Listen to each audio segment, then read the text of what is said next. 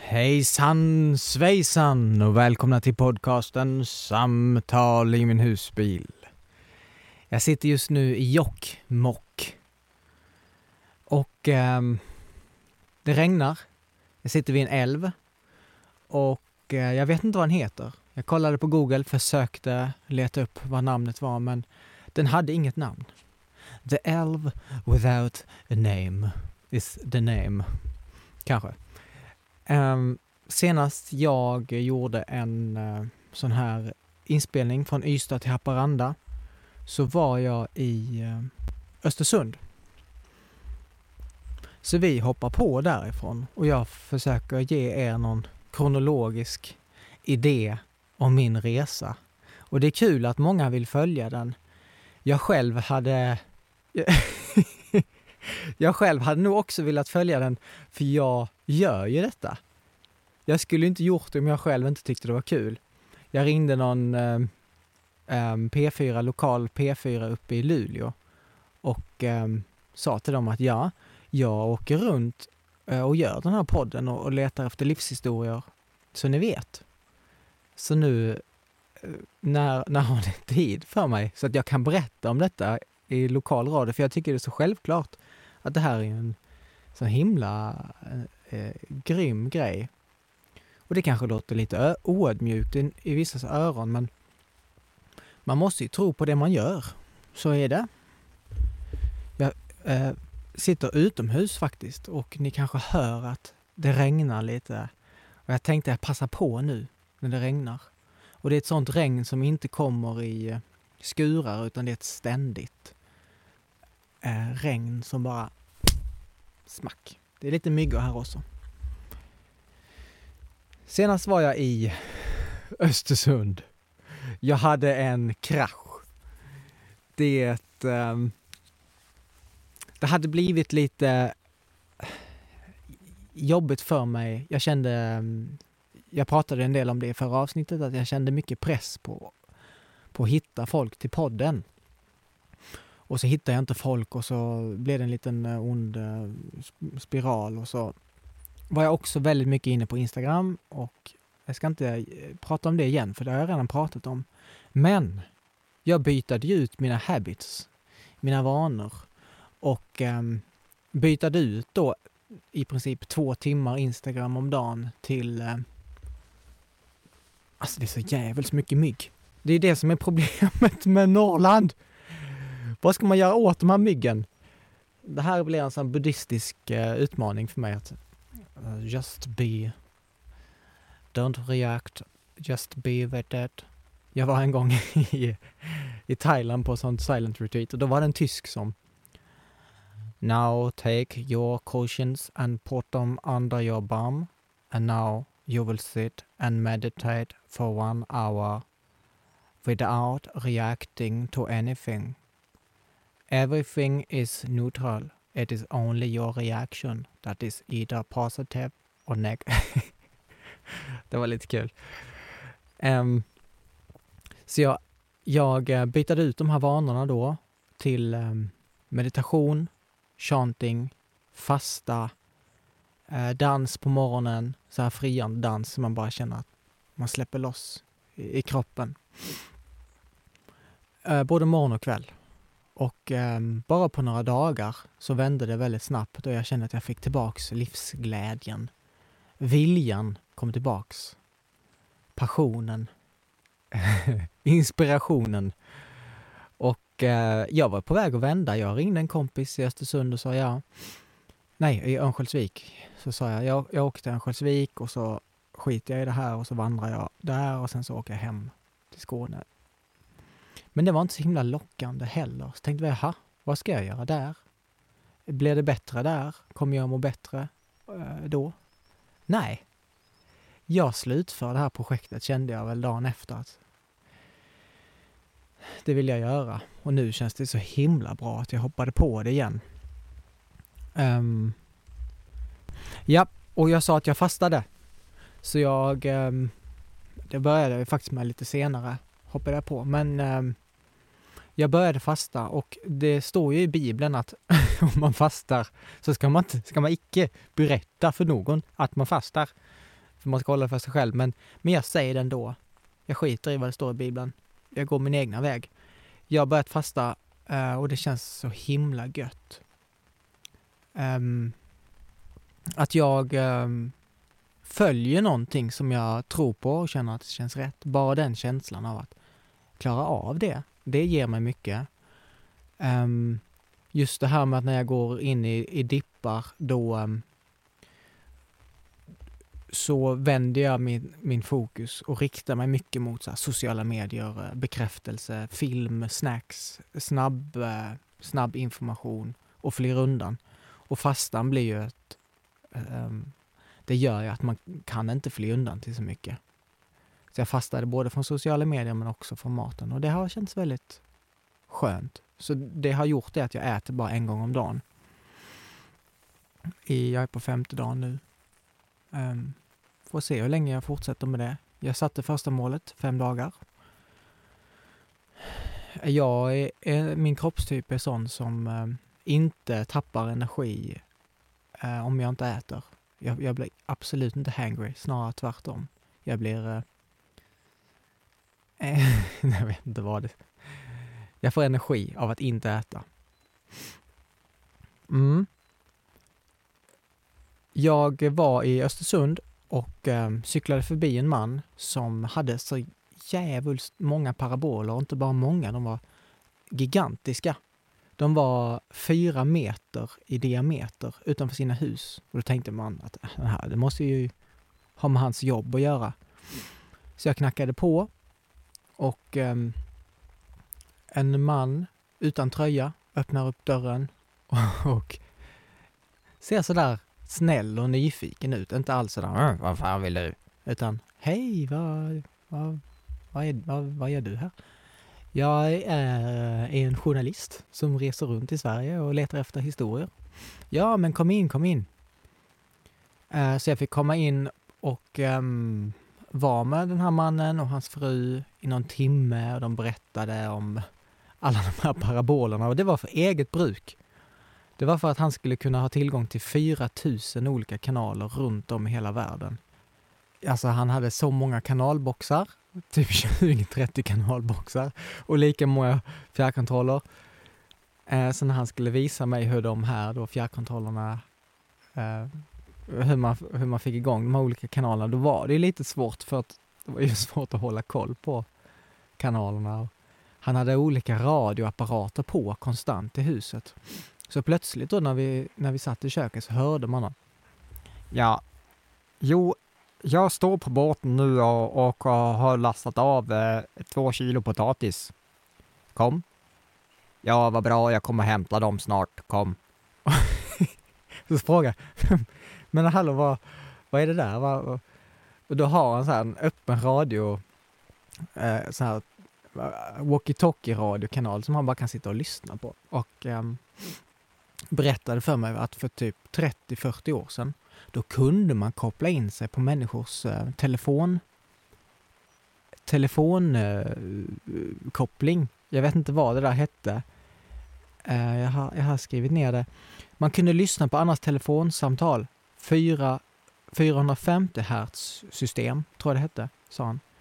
Så då kunde man alltså, ja, tjuvlyssna på andras telefonsamtal. Eller tjuvlyssna, jag tror man fick göra det. Um, så det var lite kul ju. Ja. Um, mm. Vidare i Östersund. Jag hoppar in i husbilen, kör vidare och har en vän som jag fick när jag gick en näringsterapeututbildning i eh, Stockholm som eh, bjöd hem mig och jag fick bo där några dagar. Jag fick ta min första varma dusch och det var så härligt alltså. Det var så gött. Eh, så innan dess har jag ju badat i sjöar och eh, älvar och vad, allt vad det heter. Allt som har vatten i sig.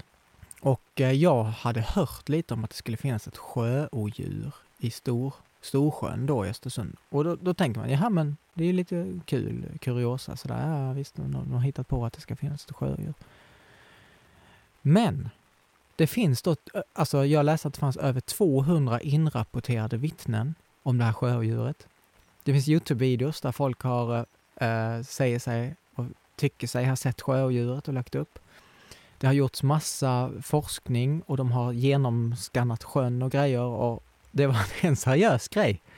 Och min kompis Karin då, som jag var hos, hon har själv sett sjödjuret och hon tror ju på riktigt.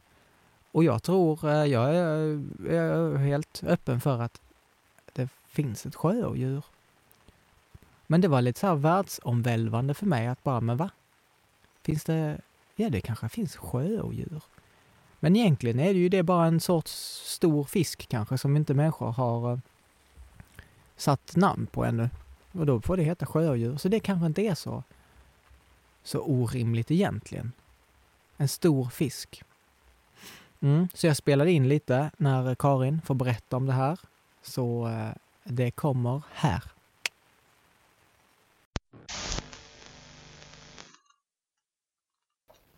Så du säger alltså att det finns ett sjöodjur i eh, Storsjön? Mm, det gör jag. Och jag är bara en av många som har sett det här odjuret. Mm. Jag läste ju eh, att det finns um, Jag tror jag läste att det finns mer än 200 vittnen till det här sjöodjuret. Det finns säkert ännu fler. Men ja, det finns det nog. rapporterade vittnen då? Mm.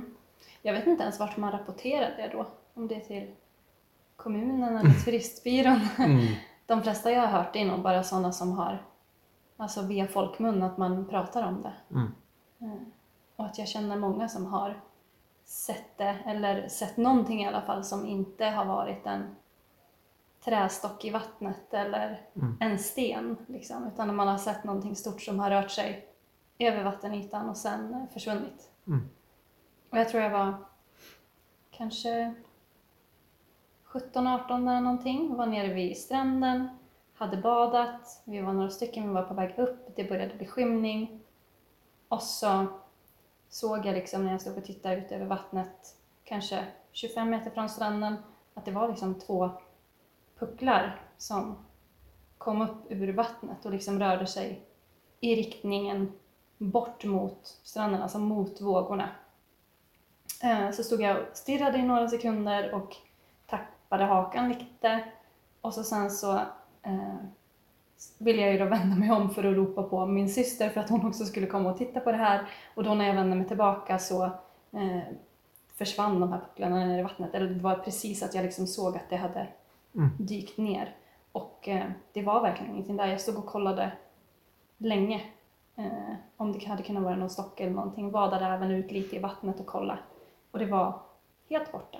Mm. Så det var ganska mäktigt och sådär. Och även folk kan ju säga att ah, det kan ju ha varit vad som helst. Mm. och det kan det ju ha varit. Men jag väljer ju att tro att det var Storsjöodjuret för jag tycker det är, mm. det är ju mycket roligare mm. att tro en sån sak. Mm. mm. Så det här ändrar ju lite hela min världssyn. Liksom, det finns sjöodjur kommer du sitta nu ikväll, du kommer inte sova i natt, du kommer bara sitta och titta ut över sjön här. ja, men det, det är möjligt. Mm. Hur gammal tror du det här sjödjuret kan vara? Jag tror att det är jättegammalt. Um, för liksom, man vet ju att mycket alltså reptildjur och även sköldpaddor, de kan ju bli flera mm. um, hundratals år. Så att, um, men alltså jag tror att jag tror att de första vittnesmålen kom in, vad, vad, vad sa vi, på 1650-talet där någon gång. Mm.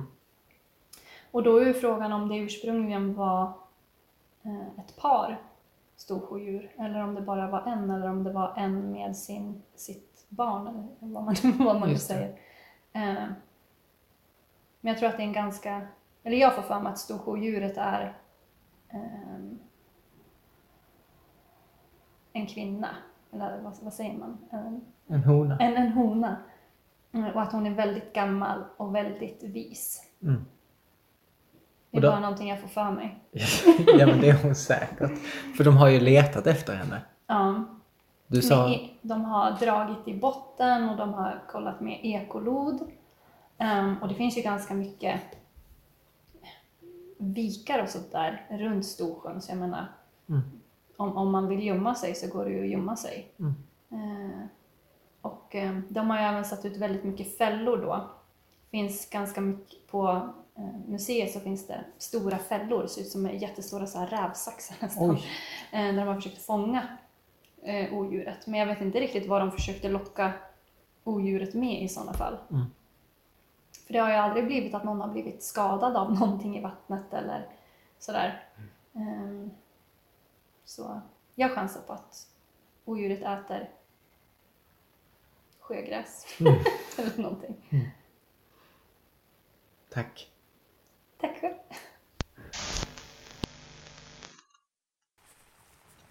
Jag läste lite på um, internetet om sjödjuret. Storsjöodjuret beskrivs oftast som ormliknande.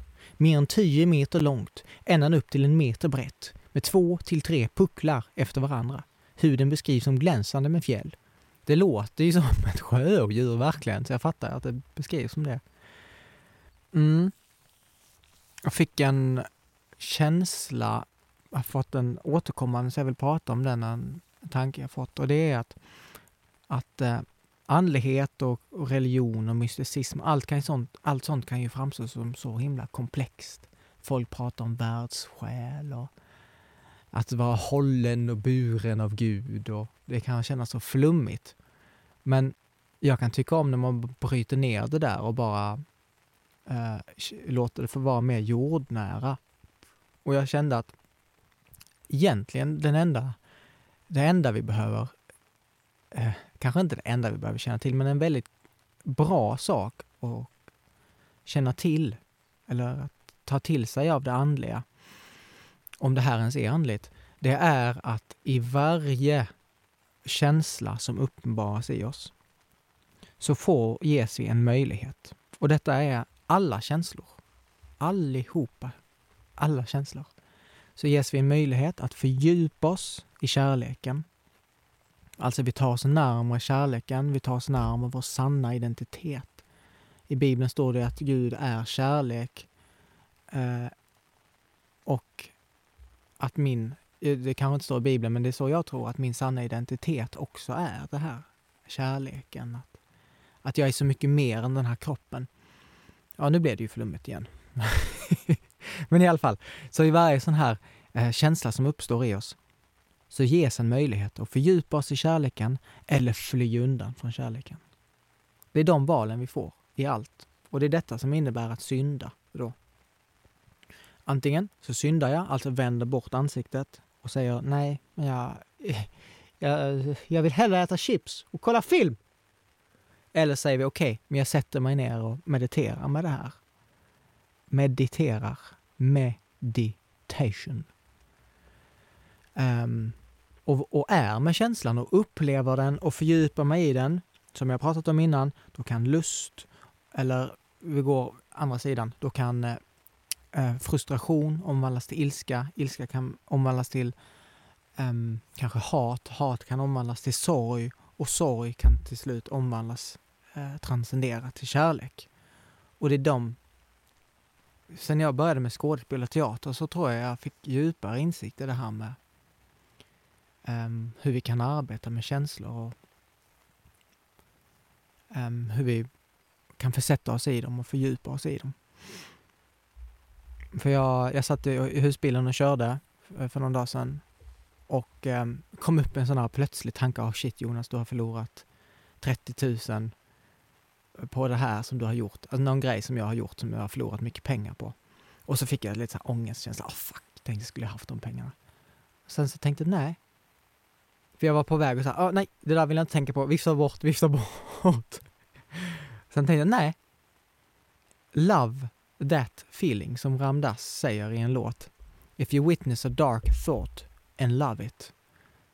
Um, och det kanske känns lökigt och tramsigt, men jag tror det är detta som är the work. Uh, att då, så då så kände jag att nej men okej, okay, jag är med den känslan då. Istället för att fly undan från den. Jag, jag känner den. Ah, Jonas, du har förlorat så mycket pengar. Och, och då så blev jag, kände jag lycka bara, ja men Det gör ingenting.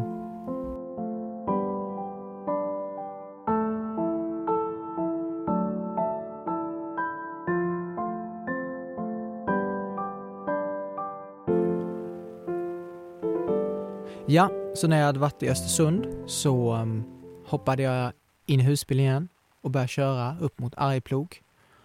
Och um, fastnade i ett ställe för det var så långt att köra på en gång så jag stannade lite i eh, Storuma. Och det är inte så mycket att berätta om det mer än att jag under en natt råkade ha fönstret öppet, tänker bara alltså, en centimeter öppet. Och jag får in jag överdriver inte. Jag brukar överdriva när jag berättar grejer, men jag tror inte jag överdriver nu. 40 till 50 mygg inuti husbilen. Och jag fattar inte var de kommer ifrån. Jag, jag, jag letar inte jättenoga, för ni vet när man ligger och sover och man, så här, man yrar lite och man...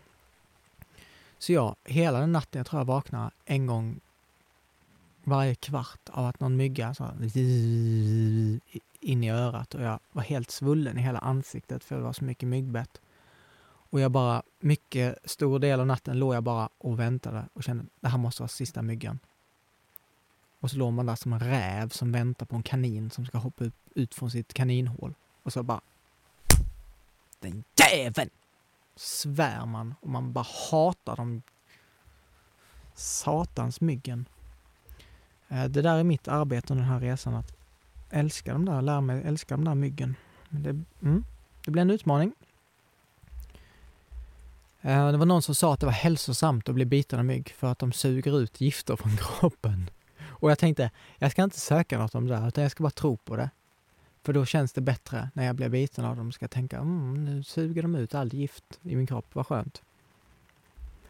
Eh, när jag var i Arjeplog så gick jag på eh, ännu ett AA-möte och för er som inte har lyssnat förut så kan jag säga att jag är inte eh, nykter alkoholist eller alkoholist utan jag går på öppna AA-möten för att jag eh, eh, älskar de här formaten av möten. Jag tycker om, jag, jag gör också, ska jag erkänna, jag är också ute efter stories. Och jag tänker att eh, jag skulle vilja ha med någon person från ett AA-möte. Um, ehm, och vi var bara tre stycken på det här A-mötet. Och eh, när man är på A-möten så säger man att jag ska, eh, det som berättas i det här rummet stannar i det här rummet. Så jag berättar ingenting från vad som sades. Men eh, det blev som så att de frågade mig, jaha men varför, varför är du här? Så, ibland kan jag känna mig lite dum och säga, ah, men jag är journalist och jag är ute efter eh, berättelser. Då kan det kännas lite som att, jaha, är det därför du har kommit hit? Okej. Okay. Eh, så jag vill inte säga det till en början. Och jag är ju inte journalist. Jag är ju någon bara hobbyjournalist kanske. Eller, eh, jag, jag, ja, ni fattar. Eh, så då sa de, ja men om du har kommit hit så har du ju uppenbarligen något, något problem. Man kommer ju inte hit bara för att... Så sa jag, jo men alltså jag tycker det är kul och, eller fint att få lyssna och lärorikt. Så var de på mig lite så. Nej men eh, så sa jag att ja, men jag har ju eh, lite problem med en grej. Så berättade jag då eh, någonting som jag har missbrukat ganska länge. Och missbrukare för mig behöver inte vara det grövsta. Missbruk kan ju vara matmissbruk och andra sorters missbruk. Och det blev en... Hela det här mötet handlade om mitt, mitt missbruk. Då och jag fick verkligen insikt om att men det här är ett allvarligt problem och jag måste bli av med detta. Så jag fick verkligen insikt om det där. Som, hoppas jag att det landade i mig. Och en, eh, en man frågade mig då, har du funderat på att avsluta det? Och då tänkte jag att han menade missbruket. Så jag sa, ja, ja många gånger har jag velat avsluta men jag kan ju inte för jag, man, ja, man vill ju göra det. Um, och nu är ni nyfikna vad det är för missbruk jag har, men det kommer jag icke berätta. och eh, han här mannen, han menade då om jag hade funderat på att avsluta mitt liv. Um, så... Um, och nu hoppas jag inte att jag går, träder, någon, ö, ö, träder över någon gräns vad jag får säga och så, men jag tror inte det, för jag berättar ju inte någons berättelse eller så. Um, och jag fattar ju inte det. Så, så hela tiden så trodde ju de um, att jag hade försökt avsluta mitt liv. Och det blev ju väldigt så tyngd i, i, i samtalet. Så efter kanske tio minuter så insåg jag att men shit, de tror ju att jag har försökt avsluta mitt liv. Och ni vet när ett samtal har gått så långt så man, man, man, kan, man vill inte riktigt ehm, säga att aha, men det var ett missförstånd, utan man spelar vidare lite på det. Så, så jag, jag erkände faktiskt aldrig, jag sa aldrig det. Um, och tack vare den här fastan som jag har gjort så har jag börjat vakna. ehm, det har hänt två gånger. Att jag vaknar lycklig på morgonen. Och det gör jag aldrig annars. Jag är en, jag är en relativt lycklig människa ska jag säga. Men jag vaknar aldrig lycklig på morgonen. Jag vaknar ofta med lite så här morgonångest och känner att oh, jag vill inte gå upp, jag vill bara ligga kvar, jag vill inte göra någonting. Um, och jag tror verkligen det har med fastan att göra. Och jag äter ju vid tolvtiden men sen så, så när jag sover och inte har någon mat i kroppen så kanske jag sover bättre, jag vet inte.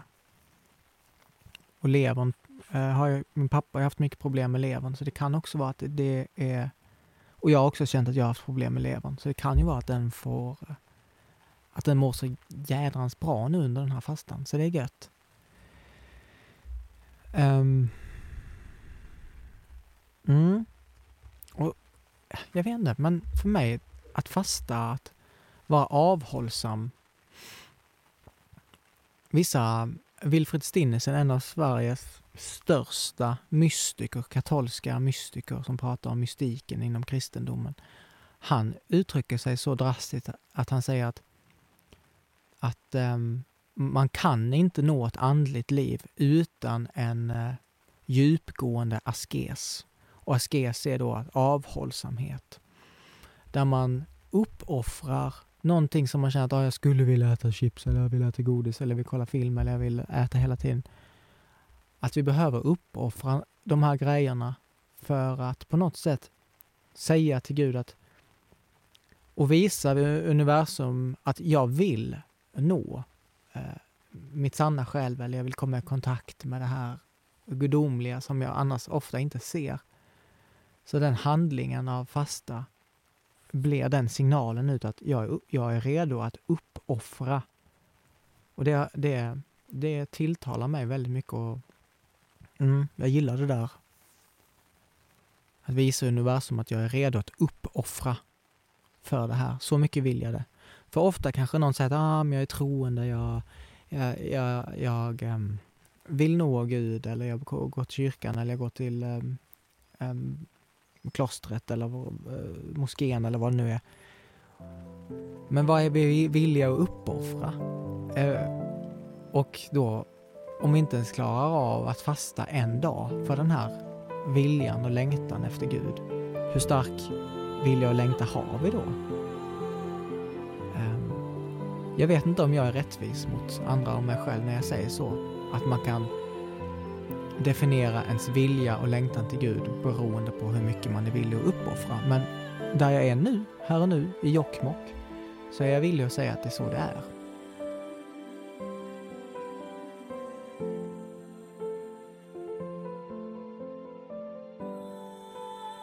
Ja, och när jag var i Arjeplog så um, kände jag att ja, nu har jag varit här i några dagar, nu, nu kör jag vidare. Så jag hoppar in i husbilen, kastar in cykeln i husbilen och eh, börjar köra iväg. Och får då, eller får då precis när jag börjar köra så får jag ett sms från flygvärdinnan Sanna som berättar att något i stil med Hej, jag eh, var ute och jobbade eh, och körde runt lite kunder och vi körde förbi din husbil som stod där ute i Notti i Arjeplog och eh, jag skulle jättegärna vilja vara med i din eh, podcast. Och då hade hon hört om mig tidigare på något sätt. Och sen plötsligt får hon se mig i sin lilla by uppe i Norrbotten och bara känna att wow, det här är ju ett tecken, det här måste jag gå på. Och det är ändå ganska häftigt. Jag försöker sätta mig in i det själv om någon som jag har sett på Instagram och jag ser att wow, han gör en häftig resa. Och sen plötsligt får jag se honom i min lilla by nere i Skåne, i Munka Ljungby. Ute i skogen. Det är ändå ganska coolt. Och eh, det blev ett sånt fantastiskt avsnitt. Det kommer upp, um, inte nu på söndag utan nästa söndag. Och um, jag blev bara så glad för att jag inte behövde jaga. Att jag inte behövde um, ja, jaga människor för att hitta någon till podden utan det räckte med att jag bara stod där och bara fanns och någonting kom till mig. Och jag tänker att det kan vara så ofta i, i många grejer att man till en början kanske behöver vara mycket utåt och, och vara ute och ge och, och, och jaga och ge av sig själv. Men sen efter ett tag när man kanske har visat universum då att jag är villig att uppoffra, då börjar saker komma till en. Då bara kommer det. Man får skörda det man har sått. Och det, det var väldigt eh, skönt. Jag var väldigt glad för det. Det finns en bibelvers som lyder Sök först Guds himmelrike och allting därefter skall komma. Och den har jag, den bibelversen är en av mina favoriter för eh, ofta kanske vi i våra liv känner att ah, men jag måste ha det där och jag måste nå det där och jag måste få det jobbet eller jag måste lyckas med den här podcasten. Men det kanske räcker att jag bara eh, söker Guds himmelrike, att jag mediterar och sjunger eh, chanting och läser och också håller på med podden såklart, men att jag är devoted till eh, den här enheten som allting är eh, en del av och, och uttrycker min längtan och viljan för att nå det där, så bara kommer allting. Sök först Guds himmelrike, så bara kommer allt efter det. Och det är väldigt skönt om man börjar få en tillit till det där och man kanske kan överlåta sig till det. För jag tror det, det där överlåtelse är att låt inte min vilja ske, ske icke min vilja. Utan ske din vilja. Um, och om man kan ha svårt att, att, sätta sig in i det perspektivet, men vad är Gud? Då kan man tänka sig Gud som en stor kropp som är universum. Och allting um, allting i detta universumet är en del av den här kroppen. Och det kan vara svårt när vi är de här pyttesmå varelserna, när vi tittar runt om oss och vi ser att allt är separat. Vad då hänger ihop? Eh, jag lyssnade, eller Sanna berättade i podden, hon sa att eh, en av hennes favoritgrejer, det är bara för att lägga sig på sin, att paddla ut med kajaken på ett stilla, på, på, på en stilla sjö, lägga sig ner, Eh, eller ta upp fötterna på kajaken och vila sig där och bara känna att ingenting krävs av henne. Just det där med att eh, vara totalt nöjd.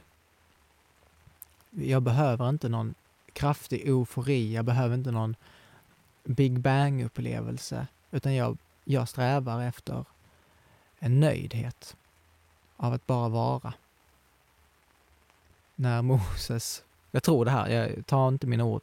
Ta, det med, ta allt jag säger med en nypa salt, för jag, jag är inte sådär att jag kommer ihåg eh, citat och så här perfekt. Men jag för mig, någon, i, i gamla testamentet så frågar Moses Gud, Vem är du? Och så svarar Gud då, Jag är.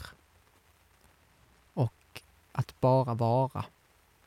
Det ligger något i det där.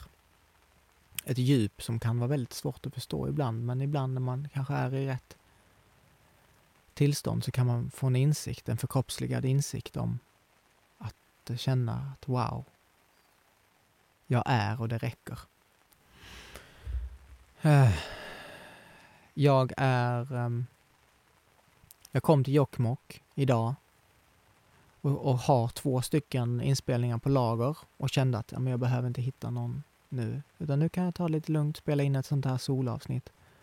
Men, men jag kan inte hålla mig jag såg en plansch på ICA där det var en man som eh, gjorde sån här eh, samiska berättelser, berättade samiska berättelser i ett tält och så jojkade han också. Eh, och jag fick tag på honom och träffade honom idag och vi pratade om att spela in ett avsnitt. Och det kändes bra. Så det är mycket möjligt att, jag, att vi gör det imorgon. Jag har känt med den här podden att eh, jag kände mig, speciellt efter avsnittet med Sanna, att jag kände att wow, jag har ett ansvar. Det här är inte bara något som jag leker med, utan jag får, distru jag får sända ut eh, människors livshistorier. Det är på allvar. Det är inte bara någon hobbylekgrej som är kul, utan det här är en stor grej jag får göra.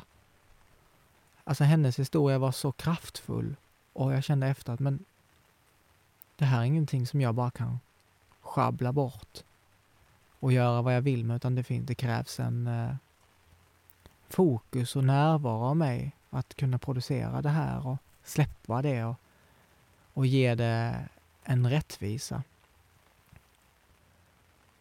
Um, och det kändes fint att få, att få ha det där ansvaret, att ansvara för att sända ut människors livshistorier. Och um, Sanna berättar väldigt, ja hon, hon berättade om sitt liv och um, var väldigt så öppen och berättade om allt som hade hänt, eller inte allt kanske, men mycket saker som hade hänt i hennes barndom. Och jag fick ställa mig frågan efter, men vad ger det att vi berättar om vad vi har varit med om? Vad, vad ger det till, både till en själv, man skulle kunna säga att ah, men, ah, men det är bra för människor, eh, för en själv att få berätta och få bearbeta de här grejerna man har varit med om genom att berätta det. Och det kan ju ge extra mycket att berätta det till många människor genom en podcast. Men det är inte bara det. Det är inte bara för den som berättar, utan det är för de som lyssnar också att, att um, inspireras till att själv känna att ja, men jag kanske också ska berätta min historia. Jag kanske också ska få bearbeta min historia genom att kasta ut den i universum och ge den vingar. och jag hoppas att, att det är det som kan få lov att ske. Jag har inte sett det så innan. Jag har nog inte förstått innebörden i vad viktigt det är och vad terapeutiskt och läkande det kan vara för oss människor att berätta om våra liv och vad vi har fått vara med om. Och sen så kan det ju vara viktigt såklart att ha en eh, integritet och inte kanske berätta och avslöja allt förrän, förrän man känner sig mogen till att göra det. Men när man väl känner att jag är mogen att prata om detta, ehm, då kan det nog vara väldigt fint att göra det. Och jag är tacksam för att få vara ett verktyg som släpper ut sådana här historier ut i poddvärlden. Därför tänkte jag faktiskt berätta en liten... jag ska få berätta en liten historia om mig själv. Ja, det gör jag. Hej, jag heter Jonas Bendroth.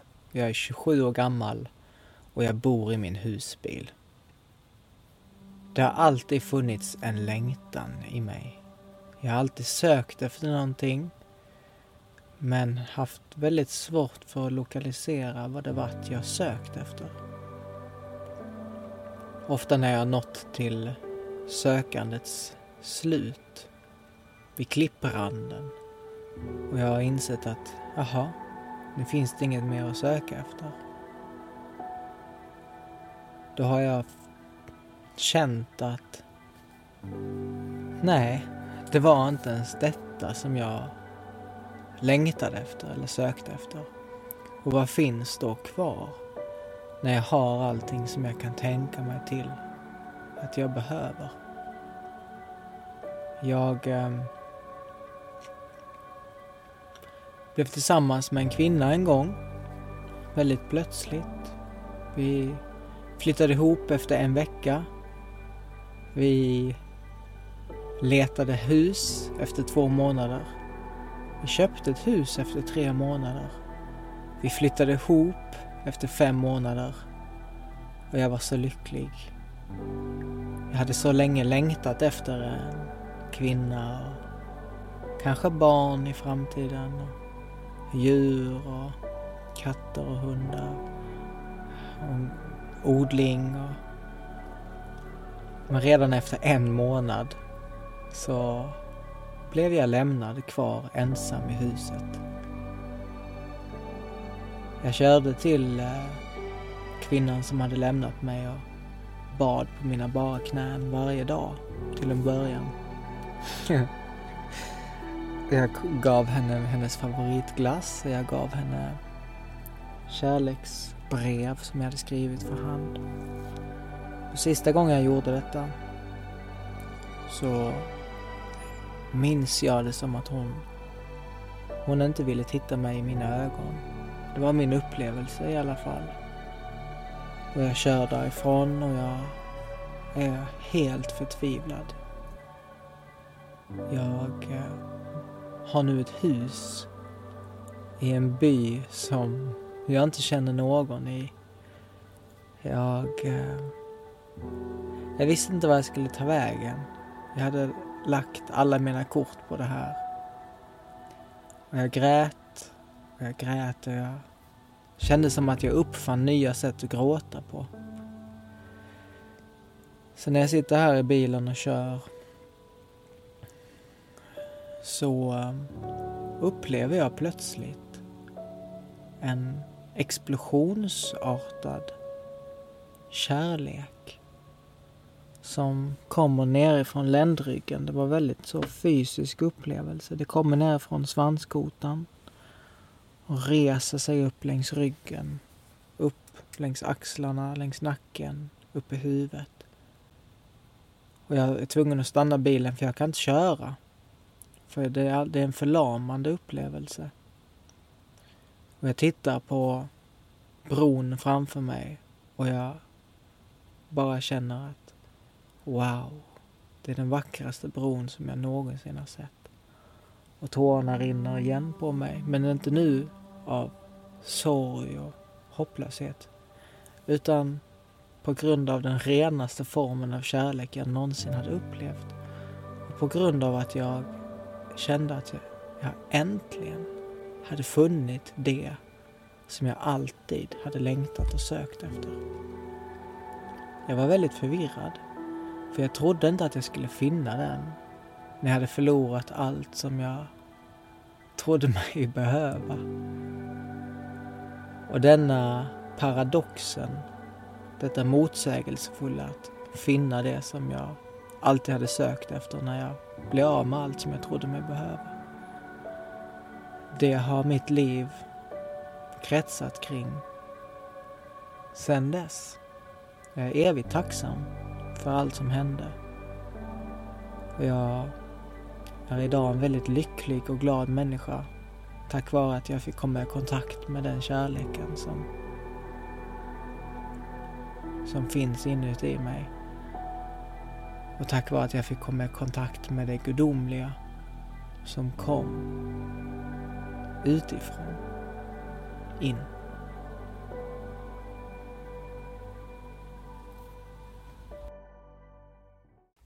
Och jag var lycklig i uh, tre, fyra månader efter. Jag kände ingen...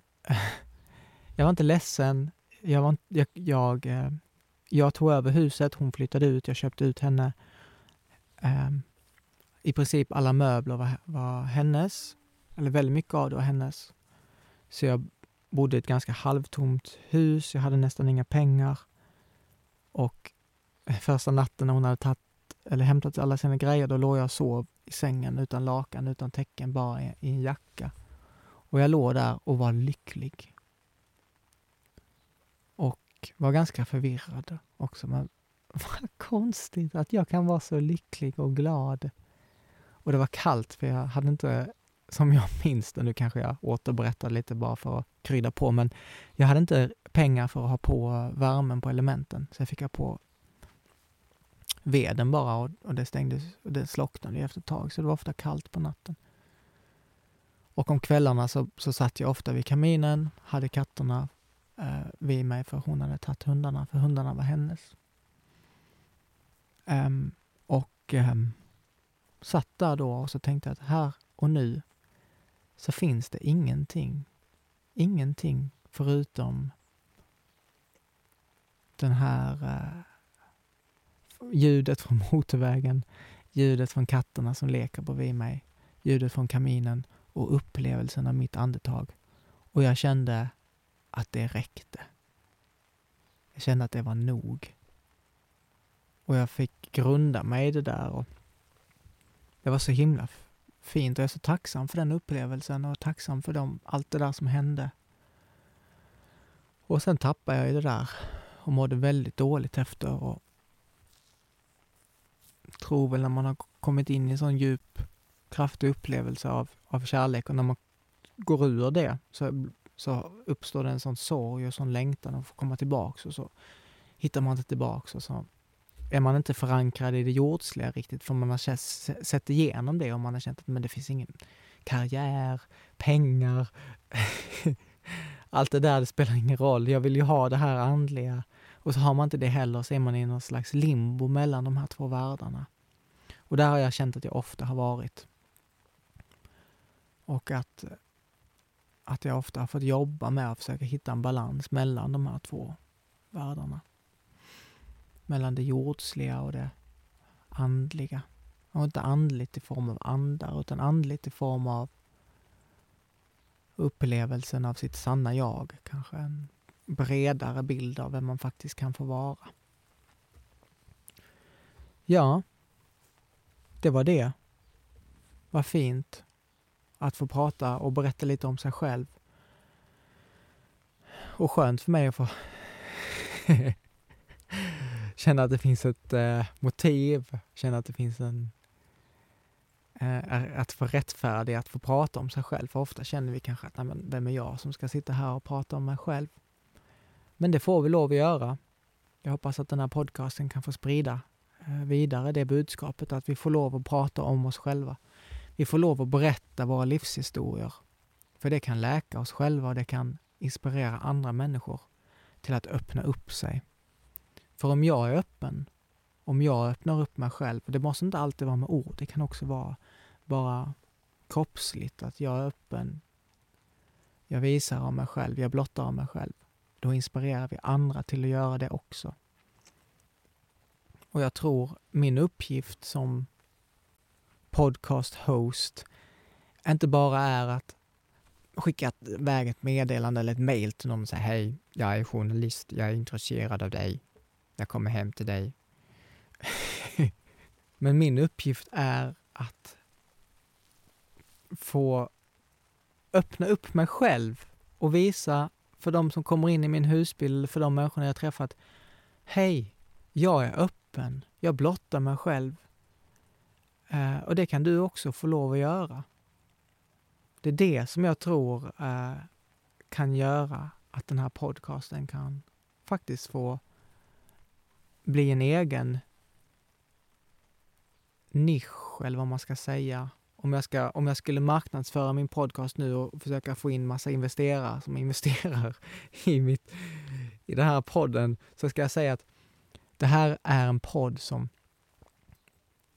som, öppnar, som får gästerna att öppnas upp eftersom jag öppnar upp mig själv. Jag släpper in människor i mitt hem, i min husbil, där jag lyssnar med min kropp och med min själ. Att inspirera de som talar att få öppna upp sig själva. Tack så mycket för att du har lyssnat på podcasten Samtal i min husbil. Om du känner att du gillar det här avsnittet eller andra avsnitt, du får jättegärna dela med dig. Eh, det är det som gör att jag kan nå ut till fler människor jag är inte så bra på det här med sociala medier och spridning och jag har inte pengar för att marknadsföra mig själv.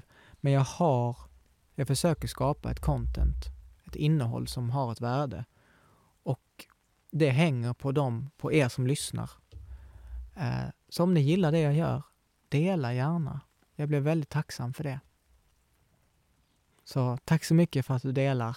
Ha det gött. Hej då!